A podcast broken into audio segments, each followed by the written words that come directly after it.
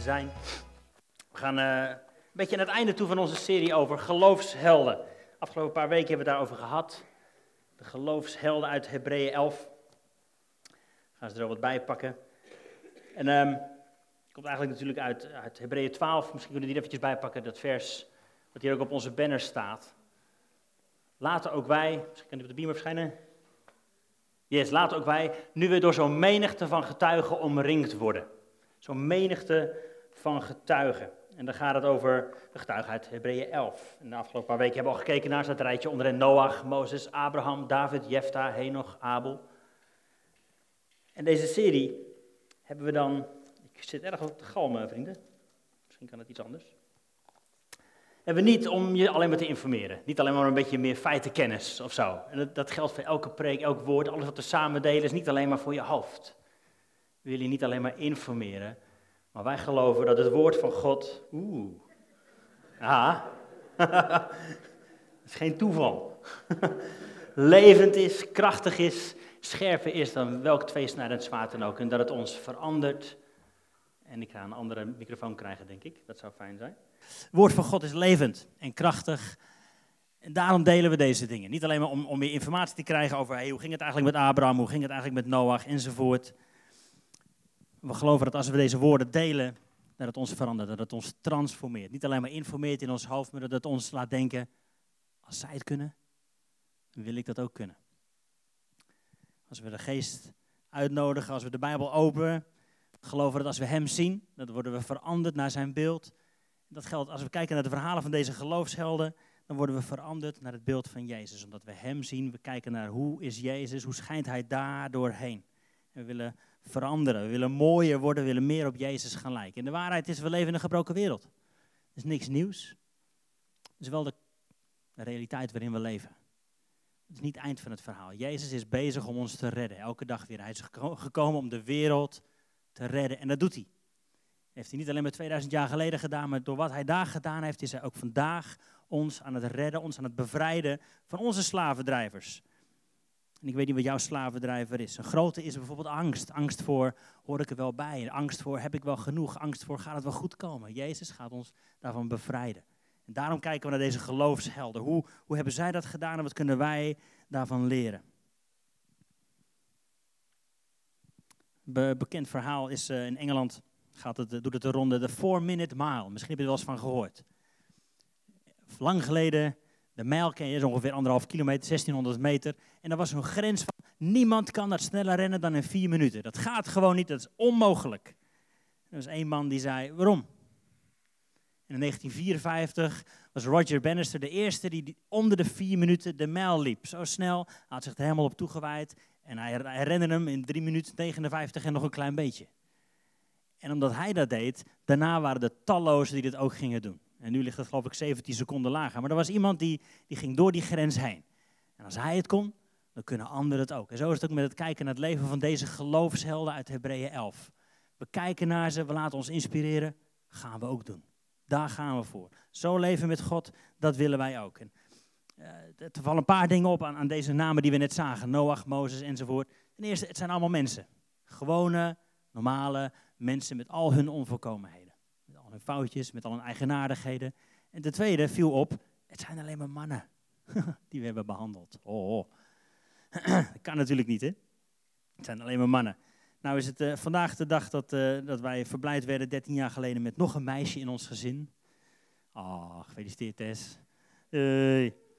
En we leven, we leven thuis met, met, met vier vrouwen. Dus ja, dan kom je er niet aan eigenlijk om vandaag te praten over een vrouw, toch? Dus we gaan vandaag kijken naar het leven van Sarah. Het leven van Sarah. Zij komt ook voor in deze lijst van geloofshelden. Even kijken hoor, kunnen we hem erbij pakken? Staat hij daartussen? Even de binnen erbij pakken, jongens. Hebreeën 11 staat er vast tussen. Hè? Door geloof, staat hij er? Yes. Door haar geloof ontving ook Sarah, hoewel ze onvruchtbaar was gebleven en niet meer in de bloei van haar leven was, de kracht om een kind te verwekken. En wel omdat ze vertrouwde op diegene die de belofte had gedaan. Deze Sarah is natuurlijk de vrouw van Abraham. De vrouw van Abraham. leefde een paar duizend jaar geleden. Maar ik wil vandaag kijken naar drie speciale dingen. Drie, en ook een goede preker doet dat met dezelfde letter. Dus ik wil kijken naar Sarah was mooi. Sarah was machteloos. En Sarah werd moeder. Sarah was mooi. Ze was machteloos. Ze werd moeder. Misschien kunnen we een stukje erbij pakken. Genesis 12. Gaan we eens lezen wat er gebeurde in het leven van Sarah. Genesis 12 vanaf vers 7. Daar staat het volgende. Toen verscheen de Heer aan Abraham en hij zei aan uw nageslacht zal ik dit land geven. En toen bouwde Abraham daar een altaar voor de Heer die hem verschenen was. En vandaar brak hij op naar het bergland ten oosten van Bethel en hij zette zijn tent op tussen Bethel in het westen en Ai in het oosten. En daar bouwde hij voor de Heer een altaar en hij riep de naam van de Heer aan. Daarna trok Abraham gaandeweg verder naar het zuiderland, maar daar kwam hongersnood in het land. Daarom trok Abraham naar Egypte om daar als vreemdeling te verblijven, omdat de hongersnood in het land zwaar was. En het gebeurde toen hij op het punt stond om Egypte binnen te gaan, dat hij tegen zijn vrouw Sarai zei: Zie toch, ik, weet dat je een vrouw bent die knap is om te zien. Als de Egyptenaren je zien, dan zullen ze zeggen: Dat is zijn vrouw. En dan zullen ze mij doden en jou in leven laten. Zeg toch dat je mijn zuster bent, zodat het omwille van jou mij goed zal gaan en ik omwille van jou zal blijven leven. Nou, fraai verhaal. Lekker vent die Abraham. Wat nou grappig is, valt me op. In dit verhaal staat, hè, uh, dat, dat, je kunt eruit lezen dat Sarah hier 65 jaar was. En hij was bang voor de schoonheid van zijn vrouw. Ze dacht, als ze zien hoe mooi zij is, dan zullen ze haar af willen nemen, af willen pikken. Vrouw van 65, fantastisch toch? Sarah was mooi. Het gebeurt nog een keertje trouwens, dat Abraham hetzelfde flikt. Dat hij zegt, zeg maar dat je mijn zus bent, want dan word ik niet gedood. Dan nemen ze misschien jou wel op in, in hun harem, maar dan blijf ik leven. Lekker hè, geloofshelden. Abraham kon niet zo goed met haar schoonheid omgaan. Sarah was mooi. Maar Abraham vond het eng in dit geval. Hij raakte daarvan onzeker. Blijf ik wel leven als ze erachter komen dat ze mijn vrouw is? Zullen ze me dan niet vermoorden? Zeg maar dat je mijn zus bent. En technisch gezien klopte dat ook. Toen de tijd was het heel normaal dat je vader verschillende vrouwen had. En Sarah was de dochter van een andere moeder, maar wel van dezelfde vader. Dus Abraham was getrouwd met zijn halfzus. Jee. Dat gebeurde toen de tijd. Maar ze was mooi. Wat ik hieruit kan leren, denk ik, en wat wij hieruit kunnen leren.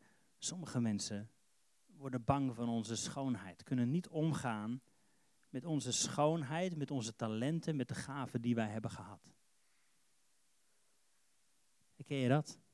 Dat sommige mensen niet om kunnen gaan met de goede dingen van jou. Het is logisch als mensen het moeilijk vinden om met je eigenaardigheden om te gaan, met de niet zo mooie dingen aan jou. Maar wat wereldwijd altijd ook nu nog gebeurt, is dat mensen niet om kunnen gaan met die geweldige gaven en talenten die God je juist gegeven heeft. Dat ze daar bang van worden, onzeker van worden, dat ze in de, in de stress raken en dat ze jou daardoor pijn doen. Heeft niks met jou te maken. Zegt niks over hoe slecht je bent of zo, maar heeft te maken met, met onzekerheid van andere mensen. We leven in een gebroken wereld. Mensen om jou heen kunnen je niet altijd geven wat je verdient, wat je nodig hebt. Dat gebeurde ook met Sarah. Omdat ze zo mooi was, liet Abraham haar liegen en werd ze meegenomen naar de harem van Farao. Ongelooflijk. Dat soort dingen gebeuren ook met jou en mij nog. Mensen kunnen niet altijd omgaan met onze gaven en talenten, met hoe God ons gemaakt heeft. We leven in een gebroken wereld en mensen reageren vanuit hun pijn, vanuit hun onzekerheid naar jou en mij toe. En het doet ons pijn en we gaan twijfelen, ligt het dan aan mij? Heb ik iets niet goed gedaan? We kruipen naar binnen, sluiten ons af. Dat gebeurt ook met Sarah, denk ik.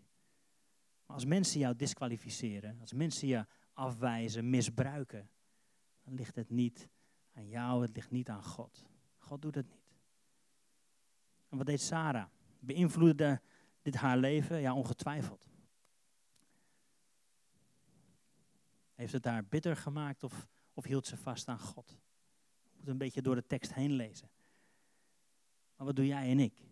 Als dit ons gebeurt, als mensen ons afwijzen, als mensen ons gebruiken, misbruiken, verkeerd behandelen, En niet omdat wij iets fout hebben gedaan, maar omdat ze kapot zijn. Dat we leven in een gebroken wereld. Wat gaan wij daarmee doen?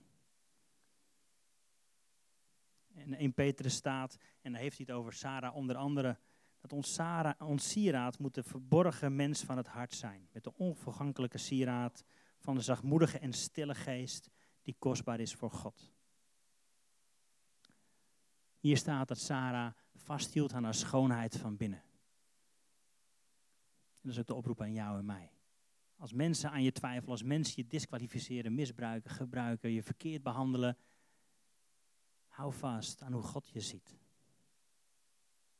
Hou vast aan hoe God jou ziet. Word niet verongelijkt, ga niet bitter reageren, ga niet hard tegen hard spelen, maar zoek de schoonheid van binnen, die niet vergaat, de schoonheid aan de binnenkant. En weet dat je kostbaar bent in Gods ogen. Bekijk jezelf door zijn ogen. Sarah was mooi, maar er werd niet altijd goed met Sarah omgegaan. Tot twee keer toe. Eén keer toen ze 65 was, later zelfs toen ze 90 was. Dat Abraham bang was voor haar schoonheid. En dat hij haar verkeerd behandelde. Een heel belangrijk ding wat in, in dat leven gebeurde van Sarah. Tweede punt dan. Sarah was mooi. Sarah was machteloos. Sarah was machteloos. In, in Genesis 12 lezen we de belofte van God aan Abraham. Ik zal jou tot een groot volk maken. En later in Genesis 15 lezen we dat nog een keer. God zelf sluit een verbond met Abraham en hij belooft hem talrijke nakomelingen als sterren in de nacht en zandkorrels enzovoort. Misschien je het wel. En zij deelde in die belofte. In Genesis 16, ik lees het eventjes voor, staat dit. Maar Sarai, de vrouw van Abraham, had hem geen kinderen geschonken. Was machteloos, ze was onvruchtbaar daarin. Ze had hem geen kinderen geschonken. Nu had ze een Egyptische slavin, van wie de naam Hagar was. Kleine opmerking tussendoor. Dit is waarschijnlijk, deze slavin hebben ze waarschijnlijk meegenomen in de tijd dat ze in Egypte waren. Dat ze gevlucht waren voor hongersnood. Dat ze niet vertrouwden op God, maar dat ze zelf stappen gingen ondernemen richting Egypte. En daardoor kwam deze slavin in hun leven. Sarai zei tegen Abraham, mijn man, zie toch dat de Heer mijn baarmoeder heeft gesloten, zodat ik geen kinderen kan krijgen. Kom toch bij mijn slavin en misschien zal ik uit haar dan een nageslacht krijgen. En Abraham luisterde naar de stem van Sarai. En toen nam Sarai, de vrouw van Abraham, Hagar, de Egyptische haar slavin. En nadat Abraham tien jaar in het land Canaan gewoond had. En hij gaf haar aan Abraham als vrouw voor hem. En Abraham kwam bij Hagar en ze werd zwanger. En toen zij nu zag dat ze zwanger geworden was, was haar meesteres, Sarai, in haar ogen verachtelijk. Moeilijk verhaal. Sarah, als vrouw van Abraham, droeg in wezen ook die belofte in haar leven. Van een groot volk, een ongelooflijk nageslacht. Maar feit was dat ze niet zwanger kon raken. Dat ze vruchtbaar, niet onvruchtbaar was. Zo'n belofte en dan, en dan deze werkelijkheid. Hoe, hoe ga je daarmee om? Zo'n belofte en dan een werkelijkheid die er helemaal niet bij aansluit.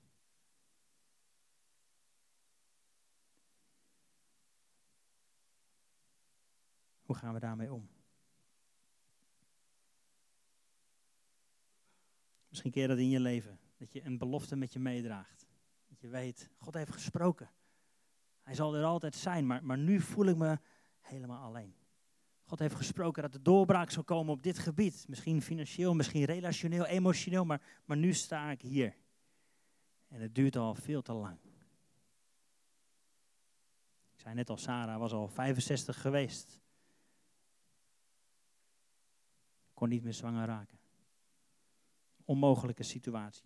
Een veel te grote belofte die niet in vervulling leek te gaan. Genesis 17 pak ik er eventjes kort bij. Vers 15 tot 21 lezen we dit. Verder zei God tegen Abraham, u moet uw vrouw Sarai niet meer Sarai noemen, maar haar naam zal Sarah zijn. En ik zal haar zegenen en u ook uit haar een zoon geven. Ik zal haar zo zegenen dat zij tot volken zal worden. Er zullen koningen van volken uit haar voortkomen. Wat een belofte. Opnieuw, heel specifiek, ja Sarah, het is ook voor jou. Toen wierp Abraham zich met zijn gezicht ter aarde en hij lachte. Hij zei in zijn hart, zal bij een honderdjarige een kind geboren worden en zal Sarah, die 90 jaar is, baren?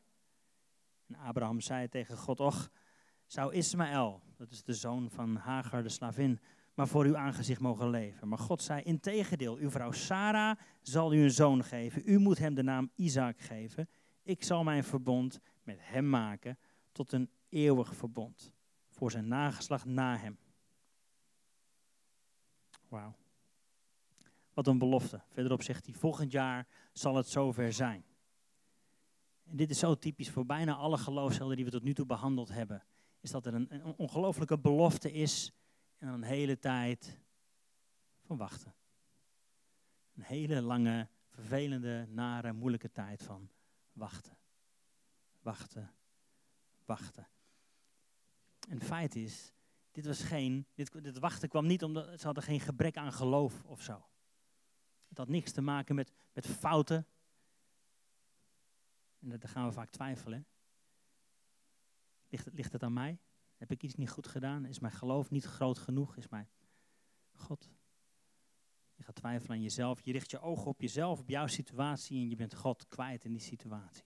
Dat is wat hier ook gebeurde met, met Hagar. Dan maar een noodoplossing verzinnen. Op een andere manier zelf proberen om Gods belofte te laten uitkomen. Heb ik iets fout gedaan? Een, leven met Jezus is niet de afwezigheid van wachten. Een leven met Jezus is niet de afwezigheid van pijn of verdriet. Ik weet niet of je het ooit gehoord hebt. Geef je leven aan Jezus en al het pijn is voorbij. Sorry, zo werkt het niet. Bidden is niet de kortste weg naar een antwoord op jouw verlanglijstje. Heeft alles te maken met leven in relatie met je maker. Hou je vast aan hem. In Romeinen 5 staat dit. Wij roemen in de verdrukkingen omdat we weten dat verdrukking, moeilijkheden, dat dat volharding teweeg brengt. En volharding ondervinding mooi ouderwets woord voor. Het is beproefd, het is stevig, het is sterk, het kan ergens tegen. En de ondervinding werkt hoop uit. En hoop, hoop beschaamt niet, omdat de liefde van God in onze harten uitgestort is door de Heilige Geest. Verderop in Romeinen staat, we weten dat voor hen die God liefhebben, alle dingen meewerken ten goede. Wat een belofte is. Maar feit is dat er een tijd is van wachten. Voor bijna al die geloofshelden en ook voor jou en mij. Ook voor jou en mij. Dan kom ik weer.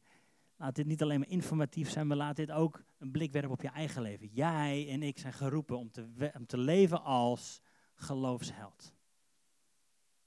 Net zoals die vier minuten mijl, zeg maar. Mensen keken naar hem, dat wil ik ook. Nou, God verlangt ernaar, geloof ik, dat we kijken naar deze lijst met name en zeggen, dat wil ik ook.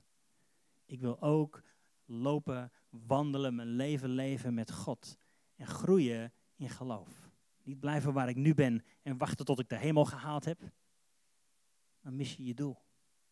Jij en ik zijn geroepen om hier vrucht te dragen, om hier een leven in geloof te leven, stappen te nemen. Niet dezelfde te zijn als tien jaar geleden, maar te groeien dag in, dag uit. Daar zijn we voor gemaakt. Sarah was mooi.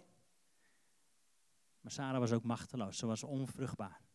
Het was een situatie waar ze zelf niks aan kon doen. Dat was zo'n belofte en zo'n realiteit. En die brug, die was er niet. Ze konden niet overheen, ze konden het niet zelf voor elkaar maken. Maar dan grijpt God in. Genesis 18 lezen we nog een stuk. Heel bijzonder stuk. Daarna verscheen de Heer aan Abraham toen hij in de ingang van de tent zat en de dag heet werd. Abraham sloeg zijn ogen op en hij keek en daar stonden drie mannen voor hem. En toen hij hen zag, liep hij snel uit de ingang van de tent tegemoet. En hij boog zich en hij zei, mijn heer, als ik genade gevonden heb in uw ogen, ga dan uw dienaar niet voorbij. Dat is gastvrijheid, hè? zijn wij niet gewend. Wij trekken onze deur dicht. Maar zo, oh, ga ons niet voorbij. Laat er toch wat water gebracht worden. Was uw voeten, rust wat uit onder een boom. Ik zal een stuk brood halen, zodat u op krachten kunt komen. Daarna kunt u verder gaan. Daarom bent u immers bij uw dienaar langsgekomen. En de mannen zeiden, Doe zoals u gesproken hebt. Abraham haastte zich naar de tent, naar Sarah en zei, haasje, kneed drie maten meelbloem, maak er koeken van. En hij liep snel naar de runderen, nam een kalf dat er mals en goed uitzag, gaf het aan de knecht en die bereidde het. En hij nam boter en melk en het kalf en zette het hun voor. En terwijl hij bij hen onder de boom stond, aten zij.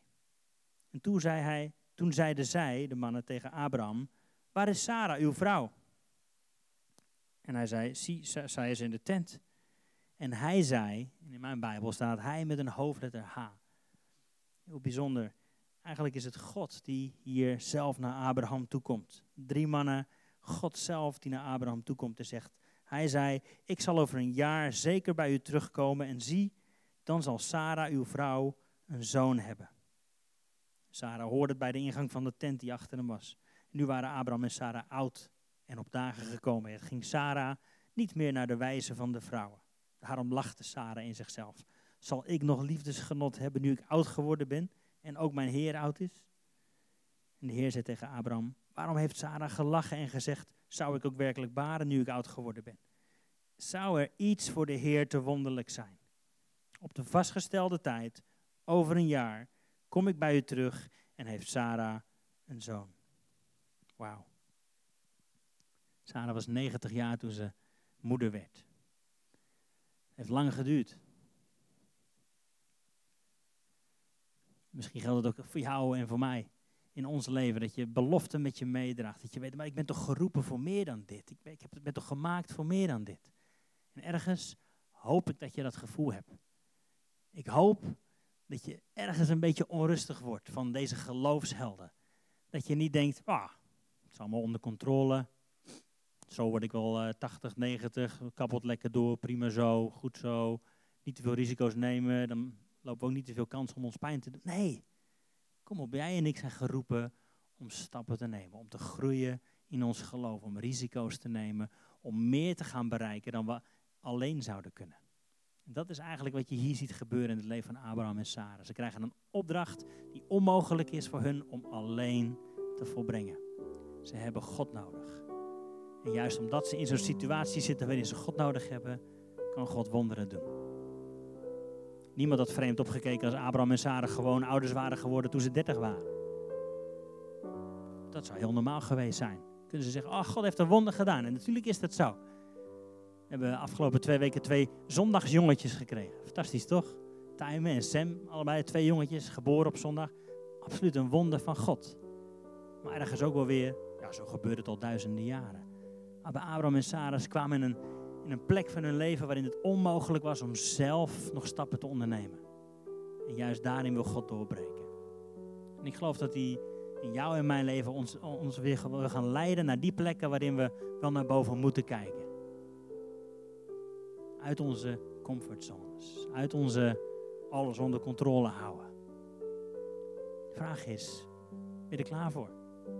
Wil je dat? Heb je weer honger naar echt leven met God? Heb je, heb je honger en dorst naar Hem kennen?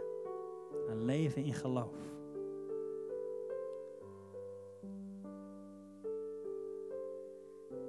Afsluitend, ik moest denken aan het verhaal van uh, Petrus die op het water liep. We kennen het verhaal van Jezus die op het water liep, maar Petrus liep daar ook. Ik ken dat verhaal nog, het stormde op het water. De discipelen zaten in een boot en ze zagen iemand voorbij komen. En het bleek Jezus te zijn. En, en Petrus riep, Heer, als u het bent, roep me dan, dan kom ik ook. En Jezus riep, ik ben, kom. Petrus stapte uit die boot en hij liep naar Jezus toe, maar toen hij om zich heen alle golven zag en, en uh, de onzekerheid zag en hij zijn ogen van God, van Jezus afhaalde, maar naar beneden keek, toen begon hij te zinken. En Jezus pakte hem omhoog en zegt, kleingelovige. Kleingelovige weet niet hoe het met jou is, maar als ik dat zie, dan denk ik, als dat klein geloof is, dan heb ik helemaal niks. Hij liep op water, man. En Jezus zegt, kleingelovige, wat is dat? wat, wat heb ik dan nog? Het woordje wat daar gebruikt wordt, er staat in het, in het Grieks oligopistos. Oligopistos. Pistos betekent geloven. Oligo betekent zoiets als klein. Maar veel vaker wordt het gebruikt als kort voor een korte tijd. Waarom geloofde je maar zo'n korte tijd? Had misschien niets te maken met de, de grootte of de hoeveelheid van zijn geloof, maar met met de duur van zijn geloof. Dat is wat we zien bij al die geloofshelden, dat hun geloof uitgerekt werd. Heel lang duurde. Ze hadden geduld. Ze leerden wat het is om te wachten op God, te wachten op de vervulling van zijn belofte. Laten wij geen klein gelovigen zijn, maar laten we geduldig zijn. Laten we blijven kijken naar God. Onze ogen niet op de golven richten. Al die omstandigheden die komen en die gaan. Mensen veranderen, dingen gebeuren, alles gaat voorbij. Maar God blijft. Zijn woord houdt eeuwig stand. Zijn belofte komt hij na. Hij zelf zal het doen. Dat is wat we zien in het leven van Sarah. In het leven van al die andere geloofshelden. Ze eindigde sterk. In Hebreeën 12 gaat het over een wedloop lopen. Haal die eindstreep. Ga door tot het eind. Denk niet, ik heb een kort sprintje getrokken. Ik heb ja gezegd tegen Jezus, amen en we gaan naar huis. Nee, het is een marathon. Hou lang vol. Sarah was mooi. Ze was machteloos. Maar ze werd wel moeder. Ik weet niet waar in het leven jij staat. Misschien zit je nu in die fase dat, je, dat mensen je verkeerd behandeld hebben. Dat je gebruikt, misbruikt bent. Dat je pijn gedaan is. En dat je daardoor je belofte niet meer kunt zien. Dat je niet meer kunt zien hoe mooi God je gemaakt heeft. Welke belofte die eigenlijk gesproken heeft. Dan wil ik je uitdagen. En je zegenen en zeggen, keer je ogen weer naar God. Richt je blik weer op Hem. Laat voor je bidden. Ga, ga jezelf niet bekijken door de ogen van andere mensen. Misschien jezelf niet eens bekijken door je eigen ogen. Maar ga jezelf weer bekijken door de ogen van God. Van Abba, Vader, die jou gemaakt heeft. En die je mooi vindt, die je goed vindt, die je kent, die fantastische dingen in je leven gelegd heeft. En die hele mooie belofte wil uitspreken over je. Blijf niet bitter, maar keer je om naar Hem. Misschien zit jij in zo'n machteloze situatie, dat je je onvruchtbaar voelt, dat je weet, God, u heeft toch gesproken? Maar, waarom gebeurt het nu nog niet? En dat je van hoort naar herreest. Dat je van allerlei dingen aan het doen bent. Of dat je juist helemaal van het padje af bent. Dat je denkt, laat maar zitten. Ik ga het zelf wel andere dingen regelen. En je hebt een Hagar toegelaten in je leven. Ook al zijn wij ontrouw. God is trouw. Hij gaat door met wat hij begonnen is, ook in jouw leven. Durf je weer te vertrouwen op hem. Sarah werd moeder. Ongelooflijk. 90 jaar. Ze bleef volhouden, ze bleef vasthouden aan die belofte. Maar daarna, ja, daarna was het nog niet voorbij natuurlijk. Het verhaal van Sarah gaat verder. Jouw en mijn verhaal gaat verder. Zullen we weer gaan vasthouden, ons gaan uitstrekken naar de belofte van God. ik geloof dat ook voor jou hele specifieke mooie beloften zijn. Voor jullie gezin, voor jullie kinderen, voor jullie als echtpaar, voor jou als alleenstaande. Ga met God. Hou je vast aan zijn belofte. Hoor hem zijn belofte uitspreken over je leven. Zullen we gaan staan? Dan wil ik graag bidden.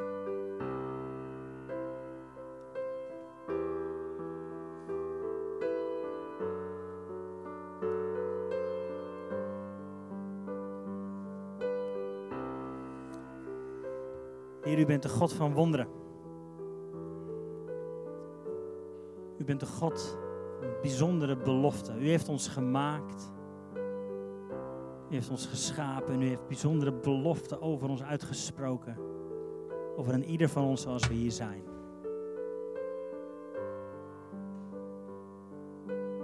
We willen onze blik weer even op u richten. En erkennen dat we onszelf hebben laten beïnvloeden door wat mensen over ons vinden. Dat we hebben gekeken naar de golven en niet naar uw goedheid maar u bent trouw.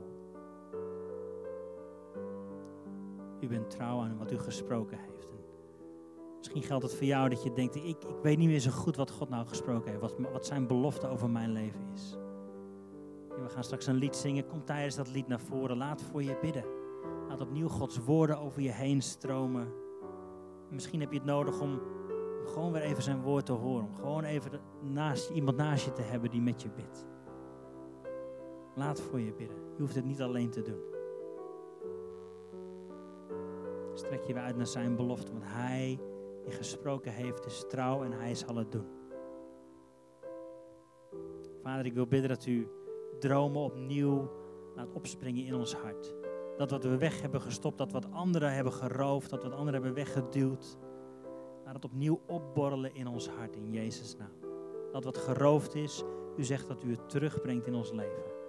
Op dit moment wilt u nieuwe hoop uitspreken, nieuwe dromen laten komen. Wilt u ons hart op een bijzondere goede manier onrustig maken naar meer van u. Want er is meer van u.